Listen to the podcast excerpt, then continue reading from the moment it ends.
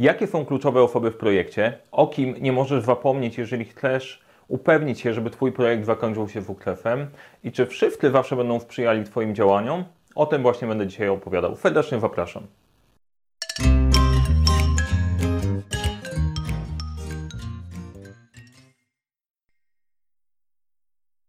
Cześć, nazywam się Mariusz Kapufta. Uczę jak rozpoczynać i kończyć sukcesem projekty w świecie, w którym brakuje zasobów, brakuje czasu, a to nie brakuje problemów. I dzisiejszy temat będzie dotyczył interesariuszy w projekcie. Interesariusze to takie słowo, które kiedyś, jak powiedziałem, usłyszałem, w polskim słowniku takie słowo nie istnieje. Istnieje, możesz sprawdzić. E, natomiast dla części osób, które pracują w większych organizacjach, bardziej swojsko brzmiącym słowem jest słowo stakeholder jakich stakeholderów potrzebujesz mieć w Twoim projekcie i wtedy wszystko staje się jasne. Dzisiaj popatrzymy na dwa aspekty. Pierwsze, jak myśleć o interesariuszach, kto to w ogóle jest i jak się upewnić, że identyfikujemy właściwe osoby, a później opowiem Ci, jakie osoby koniecznie musisz mieć zaangażowane w projekcie, o kim trzeba pomyśleć, e, żeby na koniec się nie okazało, że jednak mimo wszystko coś nie zadziałało. Zaczniemy trochę akademicko, czyli od definicji. E, jakąś definicję potrzebujemy mieć.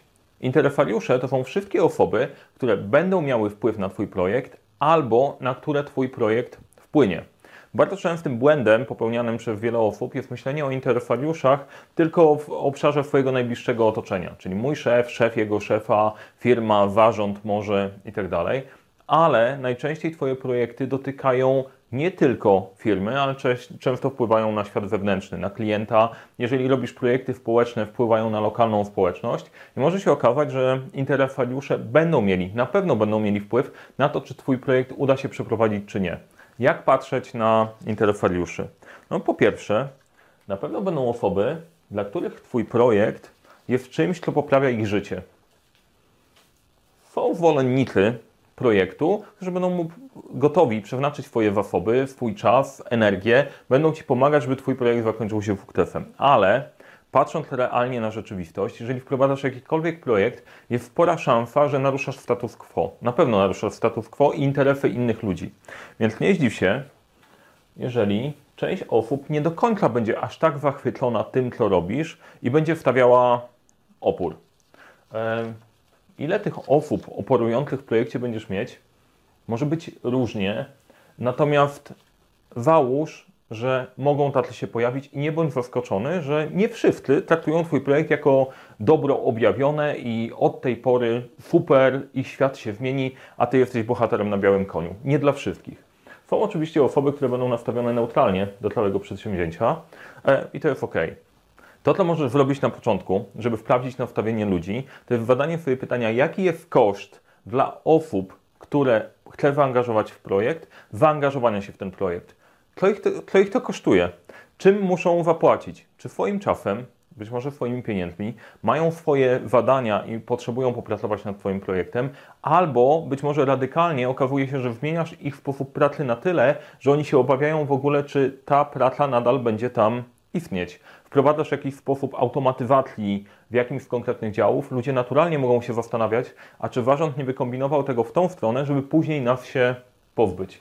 To warto zrobić zaraz na starcie, bo będziesz wiedział, e, na jak dużą koalicję wsparcia możesz liczyć, a jak dużo osób będzie oponować. Na szczęście ktoś już wymyślił, o jakich interesariuszach, kategoriach interesariuszy warto zadbać i o nich opowiem. Pierwszy, najważniejszy interesariusz w projekcie, osoba, która ma mega wpływ na projekt, to jest sponsor projektu. To jest osoba na tyle wysoko w organizacji, która chce mieć ten projekt i jest w stanie pomóc Ci ten projekt poprowadzić. E, sponsor może być kimś na poziomie zarządu, na poziomie dyrektora. Na szczęście, to, na, na szczęście. Na szczęście to jest osoba wysoko, bo ma władle. E, na nieszczęście ma mało czasu e, do tego, żeby się tym zająć. Dlatego powołuje kierownika projektu, czyli Ciebie. Twoim zadaniem jest wyrealizować wizję sponsora. Ty się zajmiesz tymi wszystkimi problemami pod spodem, jasne, ale Twoja relacja ze sponsorem jest jedną z najważniejszych, która się dzieje w projekcie. Jeżeli nie będziesz w stanie utrzymać tej relacji, e, to zostaniesz w organizacją sam, a kierownik projektu ma ten problem, że ma bardzo mały wpływ na organizację, mało zasobów, a jednocześnie wysoką odpowiedzialność. Sponsor, zidentyfikuj sponsora, kierownik projektu to ty. Kto jeszcze bierze udział w projekcie? Menadżerowie funkcyjni. Skądś, z jakiegoś miejsca musisz pobrać zasoby dla Twojego projektu. Ludzi, e, sprzęt i tak. Jednym z Twoich pierwszych zadań będzie negocjowanie w nimi. Słuchaj, potrzebuję od Ciebie tego i tego na taki i taki czas.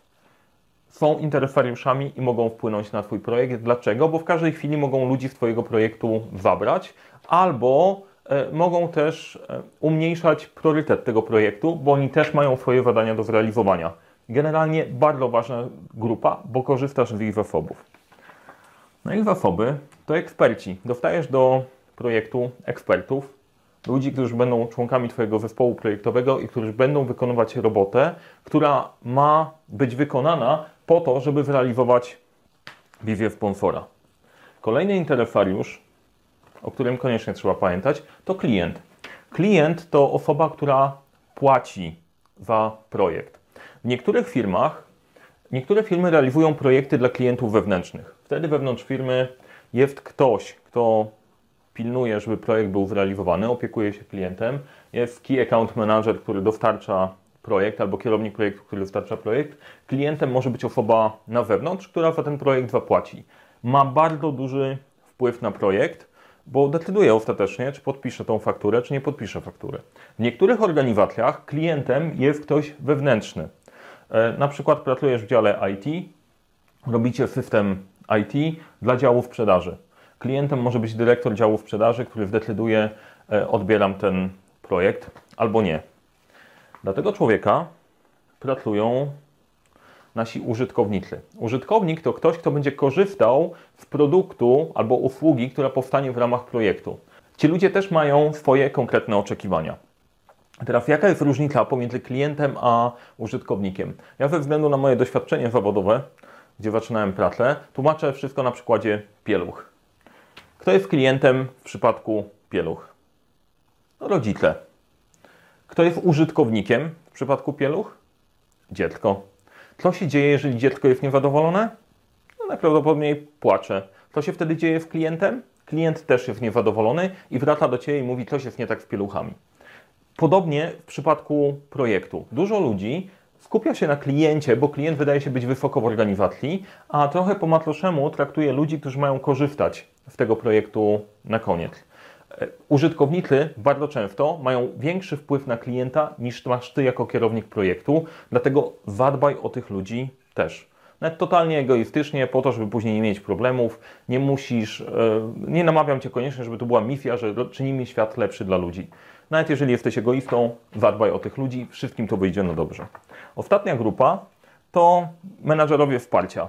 Jeżeli wyprodukujesz jakiś nowy system albo uruchomisz nowy sklep albo cokolwiek innego, ktoś będzie się musiał zaopiekować tym, co powstało po zakończeniu projektu. I to jest dział wsparcia. Bardzo często widziałem sytuacje, w których ta praca wyglądała na zasadzie gorącego kartofla. Kierownik projektu i eksperci coś wyprodukowali, projekt został odebrany na koniec i komuś trzeba było tego kartofla wcisnąć. I nikt go nie chciał zabrać. Ja wypracowałem takie podejście, że zaraz na początku projektu pytam dział wsparcia, czego potrzebujecie, jakie są Wasze kryteria, żebyście chcieli mój projekt przejąć do siebie do opieki. Jeżeli to znam, jeżeli to spełnię, nie mam problemu gorącego kartofla, bo ci ludzie są częścią zespołu projektowego i ich oczekiwania są od razu uwzględnione zaraz na starcie. Czyli podsumowując ten cały kawałek, to jest zestaw interesariuszy, o których trzeba pamiętać. Sponsor chce projekt, ma władzę. Kierownik projektu, ty, masz mało władzy, dużą odpowiedzialność, też pamiętaj o sobie. Menadżerowie funkcyjni, którzy dają Ci ludzi do pracy nad Twoim projektem. Klient, który płaci za projekt, ma spore wymagania. Użytkownicy, którzy będą z niego korzystać. I dział wsparcia, który utrzyma projekt po jego zakończeniu. W tych wszystkich grupach mogą się pojawiać zwolennicy, bo na przykład użytkownicy wiedzą, tak, ten system nam pomoże, będzie nam łatwiej, będą Ci pomagać. Mogą być przeciwnicy, bo na przykład w tej grupie użytkowników ktoś może stracić pracę. Będą też ludzie z kategorii całkiem neutralnej, na przykład możesz mieć me- menadżera działu finansów, który tylko i wyłącznie podpisuje rachunki i dopóki wszystko się zgadza, to wszystko jest ok. To tyle na dzisiaj. Warto pamiętać o tym, że projekty robią ludzie, a nie procedury. Jeżeli wdasz sobie wprawę, z kim pracujesz i kogo musisz zaangażować i zrobisz to odpowiednio wcześnie, ja jeszcze bym podpowiadał na zasadzie wzajemnego szacunku, bo to też jest pomocne, to projekty dzieją się dużo, dużo łatwiej, dużo, dużo lepiej. Powodzenia w Twoich projektach. Jeżeli podobał Ci się ten odcinek i interesuje Cię ta tematyka, chciałbyś dostawać więcej tego typu informacji, zasubskrybuj ten kanał. Jeżeli podobał Ci się ten film, daj lajka, będę miał wtedy informację zwrotną. Jeżeli nasunęły Ci jakieś przemyślenia albo pomysły na nowe odcinki, wpisz w komentarzach, będziemy nad tym działać. Powodzenia i pamiętaj, cokolwiek robisz, zawsze zacznij od 12 pytań.